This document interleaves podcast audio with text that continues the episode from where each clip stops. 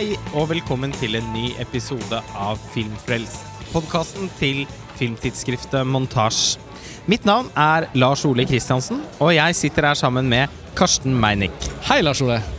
I denne episoden så skal vi snakke om den nye filmen til Florian Henkel von Donnersmark, som debuterte med De andres liv i 2007.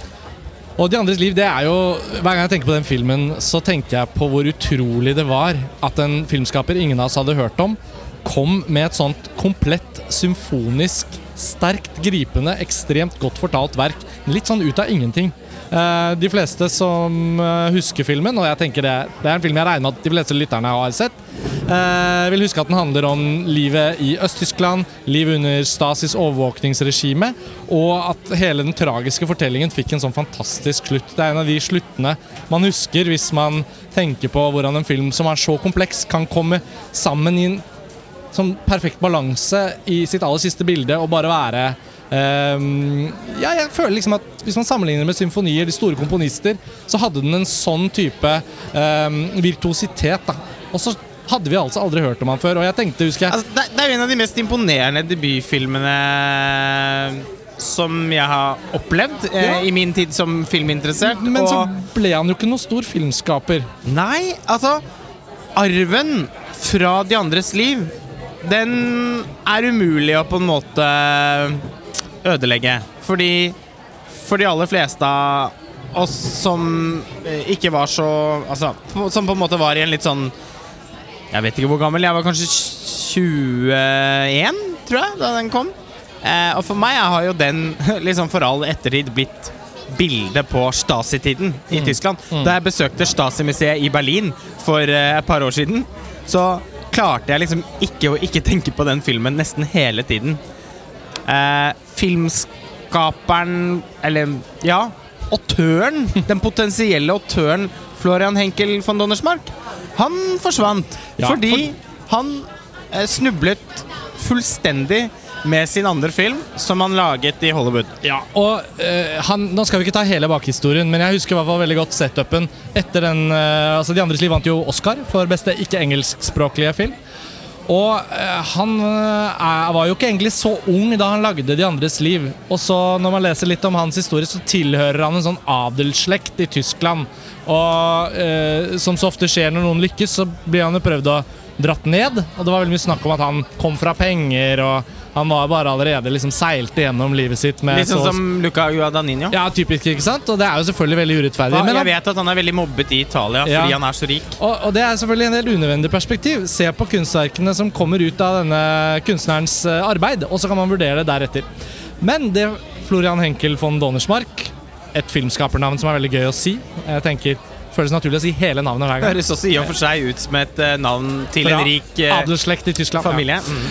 Han velger å gjøre en Hollywood-film etter De andres liv. Og mange husker det sikkert. The Tourist eh, med Johnny Depp og Angelina Jolie.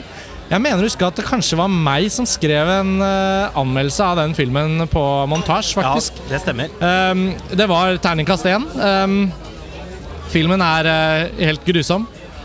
Og, og egentlig var det stille en stund etter De andres liv frem til The Tourist. Og så etter The Tourist ble det helt stille. Og det var så rart også da at det der hverdagslige snakket i bransjebladene der borte om at liksom Ja, nå skal han i Directors Jail og sånn. Så bare sånn Men han har jo så vidt kommet. Hvem er han? Vi vet ikke noe om han, og nå er han allerede borte igjen. Ja ja.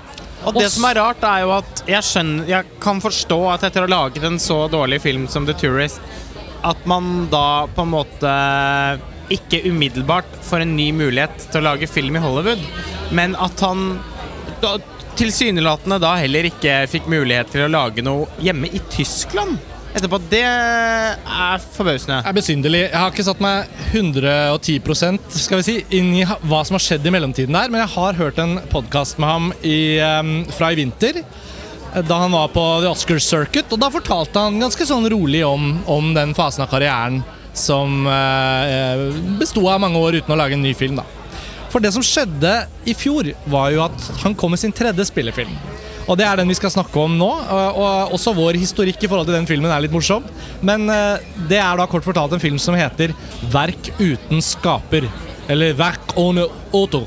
Eller 'Never Look Away', som den heter på engelsk. Og Den ble vist i Venezia i fjor, og den endte opp med å bli Oscar-nominert i vinter for både beste ikke-engelskspråklige film og beste foto. Så den har liksom duppet ned litt, og så kom den aldri på norske kinoer. Og så nå på sensommeren så ble det offentliggjort at cinematekene har kjøpt den inn til eh, distribusjon rundt omkring i Norge, og Cinemateket i Oslo blant annet, skal ha den som månedens film nå i september. Så da er vi liksom kommet full sirkel, og Verk uten skaper er blitt reaktualisert. Og det føles litt sånn fint å bruke anledningen til da å snakke om Florian Henkel von Donnerspark, men også snakke litt om denne fotografen, da, Lars Ole. Caleb de Chanel. Ja, men Han altså- er jo en legende. Ja, virkelig. Han er en av Sånn fra Den første De første tiårene i karrieren hans, i hvert fall, eh, er eh, av stor betydning. Og egentlig, han er en av mine favorittfotografer, egentlig bare med utgangspunkt da i filmer som eh, The Black Stallion av eh, Carol Ballard, som er et, som er et mester, underkjent mesterverk. Eh, blitt restaurert og utgitt i fantastisk kvalitet på, av Criterion. Så den Blu-rayen burde alle filminteresserte snarest anskaffe. Eh, men også filmer som The Passion of the Christ av Mel Gibson, som eh, det er veldig delte meninger om, men som jeg syns er en helt fantastisk eh, film. Eh, ikke minst da på grunn av det helt sånn ekstraordinære arbeidet til Caleb Deschanel. Jeg har også Jeg er jo en ekte guilty pleasure av dette her, men eh, jeg er også veldig svak for Roland Emriks 'Patrioten'. Og det har også veldig mye å gjøre med at den ser så fantastisk ut. Eh, og det var jo da eh, et arbeid som Deschanel ble Oscar-nominert for. Det ble han jo også for 'Patrioten'. Han har tidligere også blitt nominert for 'The Natural' til Barry Levinson. Eh, og så ble han nominert for Jeg lurer på om han kanskje også ble nominert for 'Being There', ja, til Hal Ashby. Ashby. I alle tilfeller. Nå jeg, kjenner jeg at jeg Han har vel seks nominasjoner Han har i alt seks nominasjoner. Ja. Så Det er så mange at vi trenger ikke nevne av Nei, men, men det Han si- vunnet. Han hadde en utrolig et, Altså, et forbløffende første år som, som fotograf. Han eh, gikk på sko Han studerte sammen med Walter Murch. De ble veldig gode venner. Jeg tror Murch eh, begynte Liksom ble kastet ut i filmbransjen litt tidligere enn Deschanel. Men eh, det første året han arbeider, er i alle fall 1979, og da skyter han både 'Being There' til Hal Ashby, som jo er en av 70-tallets beste og i alle fall vesentlige amerikanske filmer, og dette mesterverket 'The Black Stallion', som så mange ikke har sett. Og så, ikke minst, så blir han selvfølgelig også Oscar-nominert for 'The Right Stuff'. Av Philip Kaufman. Ja, som kanskje er den filmen uh, han har vært involvert i som flest stinaster har et uh, nært forhold til. I alle fall ved siden av Bing There. Den er jo fra 1983. Og det er noe med Deschanel sin kombinasjon av sånn Han er en veldig virtuos fotograf, eh, samtidig som han virkelig har et øye for veldig sånn varsomme, poetiske øyeblikk. Han hadde alltid tenkt at han hadde vært en drømmefotograf for Terence Malick. Men eh, ja, nå, i de årene hvor Deschanel gjorde sine beste arbeider, så laget jo Malick da bare én film.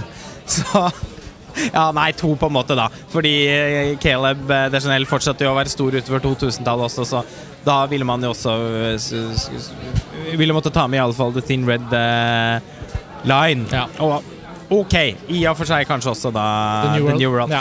Da er det ingen som gråter over at det ble Emanuel Lebeski som Nei, tenker Malik ordna seg greit. og John Toll, som, som, som, eh, som hjalp Malik med å skape sine bilder i, i de to filmene. Men eh, Men jeg tenker ja. men så må man også Det må jo da også sies at eh, eh, interessen for uh, Deschanel, i likhet med John Toll, faktisk, da, når, vi, når han først er nevnt, har svunnet litt hen i løpet av det siste tiåret.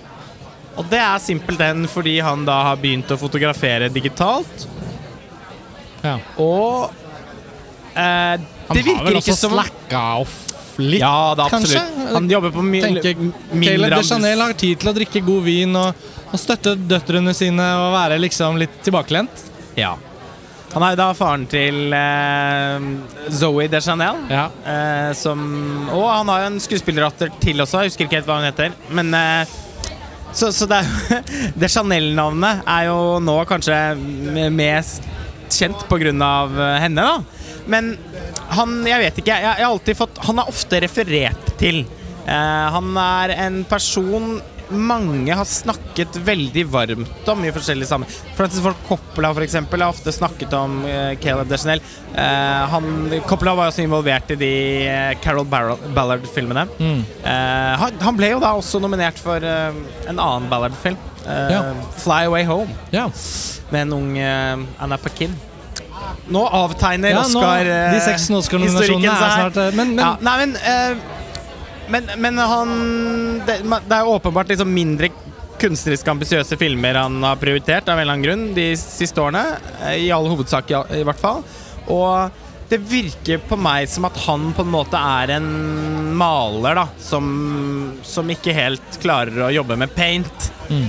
Eh, han, han har, det er som han har lagt fra seg penslene sine eh, og begynt å jobbe med et verktøy han selv syns det er interessant å utforske i eh, det som er liksom den siste fasen av hans yrkesaktive liv, men Ja. som dessverre da ikke resulterer i, i noen i hvert fall for, Etter min smak så har ikke det resultert i noen spennende bilder. Den siste Nei. filmen han fotograferte, var 'Løvenes konge' på Disney. Og folk, man kan jo bare se den traileren nå.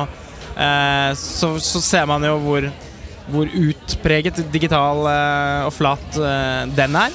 ja, jeg tenker det er jo interessant å Så derfor er jeg da litt nysgjerrig. For, ja, ja, altså for, for, for å da bringe oss inn til eh, det nåværende tidspunktet, da, så er jo da Caleb Deschanel en fotograf som som er aktuell da med både 'Løvenes konge', som er jo årets mest sette film i, på kino i Norge. Så uten å vite det, så har jo mange unge og gamle kinoøyne forholdt seg til Caleb Deschanel som en utpreget digitalfotograf. Eh, og så er det denne Florian Henkel von Donnersmark-filmen da, som vi skal komme inn på nå. Verk uten skaper. Verk uten skaper, hvor Deschanel jobber da med en veldig klassisistisk filmskaper og en veldig old school historie, og egentlig ligger alt til rette for at denne filmen skulle vært skutt på celluloid. For å understreke, det er en periodefilm som starter i mellomkrigstiden, i, går gjennom andre verdenskrig, inn i tidlig i Øst-Tyskland, og et stykke inn eh, på midt i det 19, 18, 20. århundre blir det. Ja, eh, 19, den slutter vel på slutten av 60-tallet eller begynnelsen av 70-tallet. Um, og det handler om en maler. Hovedpersonen er en maler.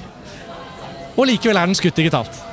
Eh, så det er jo på en måte et lite paradoks her. Uh, og jeg husker da Florian Henkel von Donnersmarks nye film hadde premiere i Venezia i fjor. Da skulle vi jo av gårde og se den, Lars Ole. eh, du dro litt tidligere enn meg ut på Lido. Og Kan bare ha vært behovet for å rekke å kjøpe en kaffe. Noe så enkelt som det. Det kan ha vært det. Og jeg havnet da i en situasjon hvor den vaporettoen, sånn den båten, som, den type båt som frakter eh, oss ut på fra Venezia sentrum til eh, Lido, den var da full. Så jeg kom ikke på den. Og den neste båten var også full. Og det gjorde at jeg ikke fikk sett Verk uten skaper. Så jeg satt øh, og jobbet med noe på et eller annet kafé mens du var inne i Sala Grande og så den. Og Verk uten skaper er tre timer og ni minutter. Så det er litt av en film. Og, du, og planen nå var jo da at jeg skulle få en anledning til å få sett den innen avreisen til Venezia, men det ble ikke mulig. Så nå er det rett og slett sånn at du er nødt til å sitte og fortelle meg om hva slags film dette her, og hvorfor Ja. den er god. Og hvorfor den eventuelt ikke er så god som Ja. noen skal ha det til, inkludert Det- Oscar-akademiet. Ja, nå får jeg jo eh, fri uh, taleplass. Eh, og eh, dersom lytterne skulle være i tvil, så er vi jo da i Venezia eh, bare et år etter eh, Verk uten skaper ble vist her. Um, og filmen skal ha premiere på Cinemateket i Oslo fredag 6.9., så det er like rundt hjørnet. Jeg tror den har oppimot ni visninger, kanskje ti visninger i løpet av september i hovedstaden, og vises da altså på de digitale cinematekene rundt omkring i landet. Så den er premiereaktuell, og jeg husker den veldig godt. Uh, har eh, egentlig litt sånn gledet meg til å snakke om den. eh, og det gjør meg ingenting å snakke litt alene, men du har jo lovet å intervjue meg litt da, eh, underveis her, så hva skal vi si det? Vi må jo si litt hva den handler om. Eh, jeg fortalte deg jo litt om den den gang, husker jeg. At den handler om en maler, og noe av det første du sa, var liksom Å, er det litt sånn Turner, Mr. Turner av Mike Lee? Eh, og det er jo da en av de dårligste filmene om en maler jeg tror jeg har sett. Så jeg kan jo betrygge deg med at det var på ingen måte så ille. Jeg tror det beste, sånn sett, beste innsalget til denne filmen umiddelbart er at det ikke i så særlig grad handler om en maler. Hovedpersonen er en ung mann som skal bli en maler, og han skal bli en kunstner, på en måte. Jeg sier maler fordi det er veldig sånn maleteknisk fokus underveis i filmen rundt hans utvikling som kunstner. Men mer enn alt dette så er det da en ganske dramatisk livshistorie. Og det handler egentlig da om et individ, sånn, uten å sammenligne det med Benjamin Button og Forrest Gump og sånn, fordi det er de har sånne sjangeravtrykk og sånne fantasielementer som ikke denne filmen har, så er det likevel litt sånn at vi på en måte være med på et tysk individs liv som uh, formes både av 30-tallet, da nazistene kom til makten. Han er et lite barn. Andre verdenskrig, åpenbart. Og så liksom ettervirkningen av det. eh, Øst, liv i Øst-Tyskland. eh, eh, kommunistene som kommer til makten. Hvordan det er å vokse opp i det klimaet.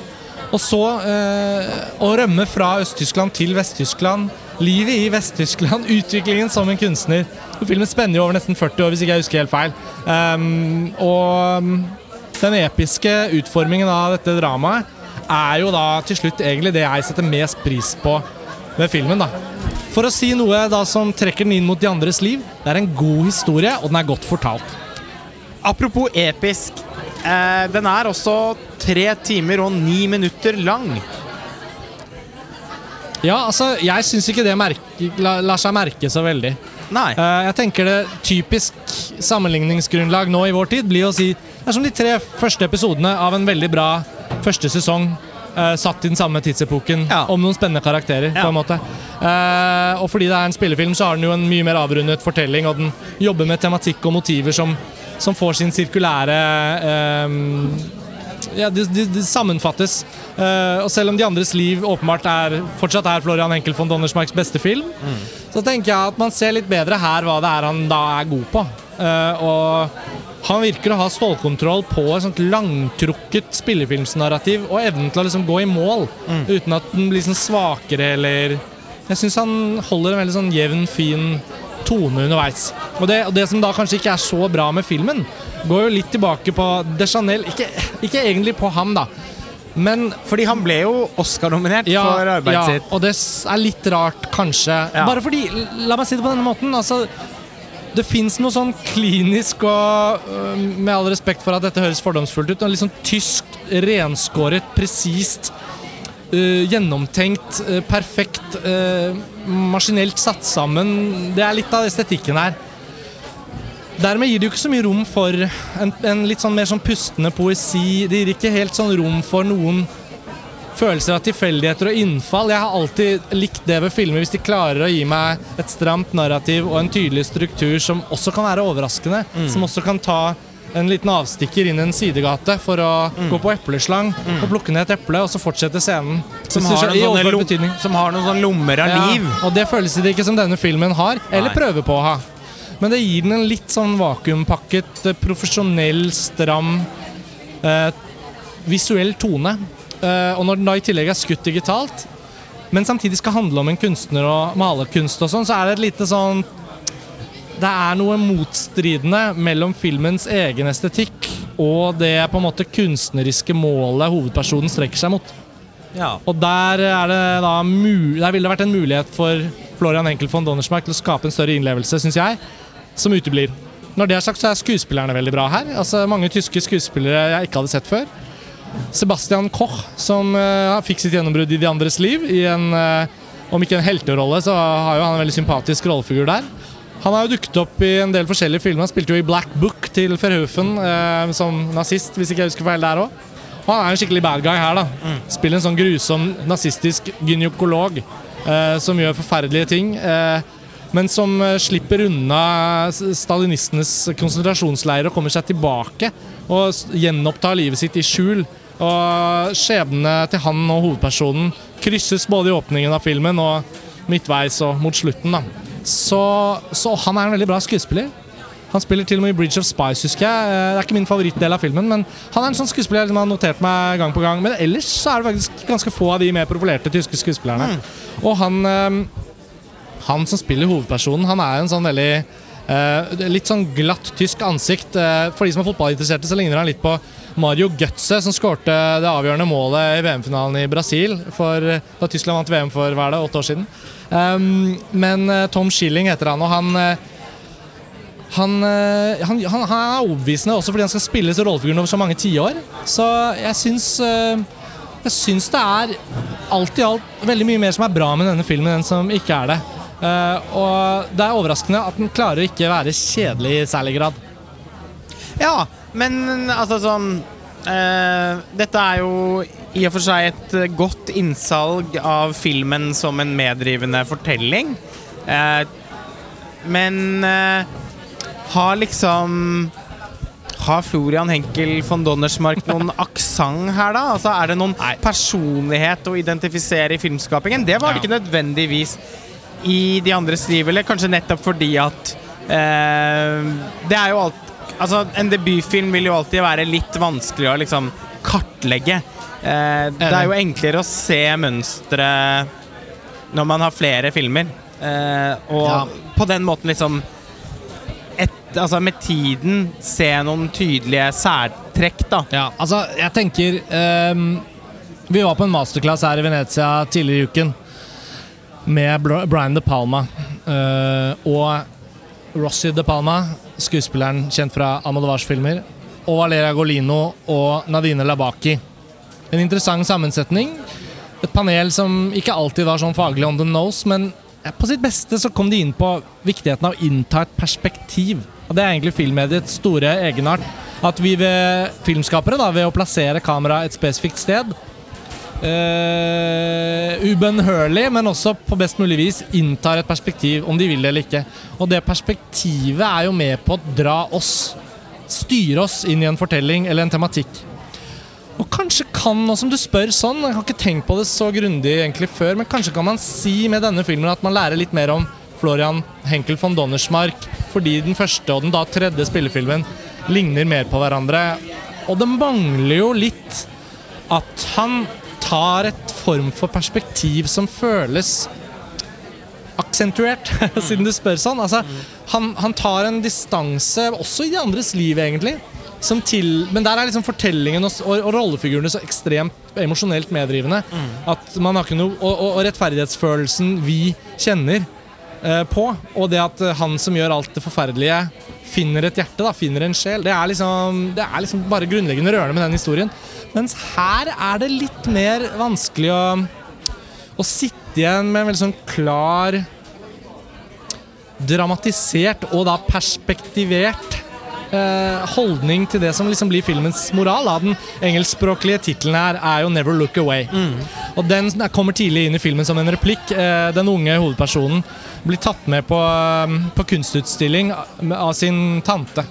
Han har en veldig vakker eh, tante som er kanskje i tenårene da, og som er en da, ung voksen litt senere i livet hans. Elisabeth tror jeg hun rollefiguren heter. Og hun tar ham med på en utstilling med liksom eh, eh, Degenerate art, altså jeg vet ikke det begrepet, men altså det var jo mye spennende kunst i Tyskland som nazistene reagerte på og fikk resolutt fjernet. Men han rekker å gå på en utstilling før det da ikke er en del av det samfunnet han er en del av lenger. Og, og tanten forteller han da, fordi det er en sånn skummel skulptur han, han ser på, så sier tanten sånn Du må ikke se bort fra den. Ikke se vekk. Never look away, liksom. Hold blikket eh, i, i alt det stygge, i alt det grusomme, i alt du skal se. I et kunstverk så skal det så skal det være en sannhet, og det er den, det er den som er det viktige. Ikke nødvendigvis om det er stygt eller Og det er liksom grunnmoralen, på en måte, da, den samtalen, som også han følger ham gjennom livet. Og når filmen til slutt er ferdig, så har han en sånn Det er jo ikke noen spoiler, på en måte, da, men det er en eksamensutstilling, liksom. Hvor han på en måte har funnet seg selv som kunstner. Uh, og det, Det ligger i kortene at han er kunstner tidlig i filmen, og, og, og, og det som ville vært en spoiler, er noe helt annet.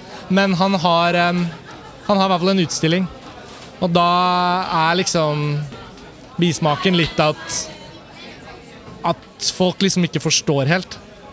Og da ser vi da han i øynene på kamera ser ham i øynene, og så er det litt sånn at han har forstått noe. Og det skal jeg ikke si hva er, men Nei. han har forstått noe.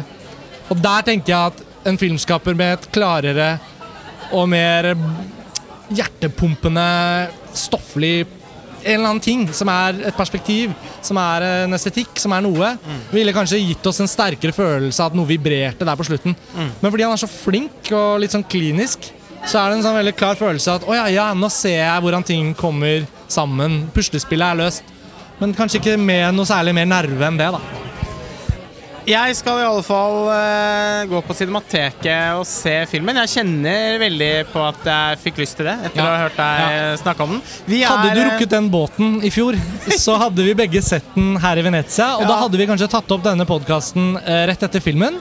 Lytterne kjenner deg, jeg kjenner deg. Jeg tipper du kommer til å um, kanskje ha 10% mindre sans for filmen enn meg. Mm. Men det hadde vært hyggelig å se om jeg kanskje blir overrasket av noe annet. Eh, vi får snakke mer om når du har sett den. Jeg er jo i alle fall interessert i å se Donnersmark eh, liksom til, tilbake. Ja. Altså, Det er merkelig føles følelse. Jeg kan ikke kalle det et comeback heller, for det er som ja, om jo liksom- akkurat har kommet opp. Ja, det er jo tolv år siden Ja. eh, det, det gjennombruddet. Og The Tourist kunne vel bare vært en liten bomtur, og så hadde han vært Skulle vært en Alan Smithy-film, den, vet du. Skulle ikke signert den. Nettopp. Så og så skulle han bare vært oppe på hesten igjen med en Ja. gang. Men så ja, eh, kanskje, kanskje er det også fordi han er så privilegert at han dypest sett ikke har Trengt. hatt behov for eh, Altså, han har ikke trengt uh, å lage film for å ha et liv som går rundt. Det det kan man jo bare spekulere i. ja, ja, vi, er, vi er snart tilbake vi, med Ja, en ny episode fra vi. Lido. Vi har Men- sett uh, flere filmer her de siste dagene. Det, så dette er en festivalepisode som ikke er en festivalepisode, men som likevel er fra festivalen. Eh. Og, og, og Verk uten skaper, for å bare gjenta det, da, hadde jo ikke tydeligvis norsk kinodistribusjon før nå cinematekene har kommet på banen. Jeg tenker det er en bra ting. Det er en film som forhåpentligvis kan være i hvert fall utgangspunkt for en spennende samtale, og den er på ingen, på ingen måte noe dårlig opplevelse eller noe trainwreck eh, i noen som helst grad. Og jeg føler meg fortsatt litt alene. Ingen jeg kjenner som har fått sett den ennå heller. For den har jo ikke hatt noen særlig visninger i Norge. Så da, da blir det jo å følge med på hvem som går og ser den i løpet av september, og se om, se om det blir noe samtale ut av det. Men eh, det var vel det for denne gang. Eh, takk for at du geleidet meg gjennom min egen gjennomgang Lars Ole, av denne filmen. Eh, og så høres vi alle snart igjen senere. Ha det bra. Ha det bra!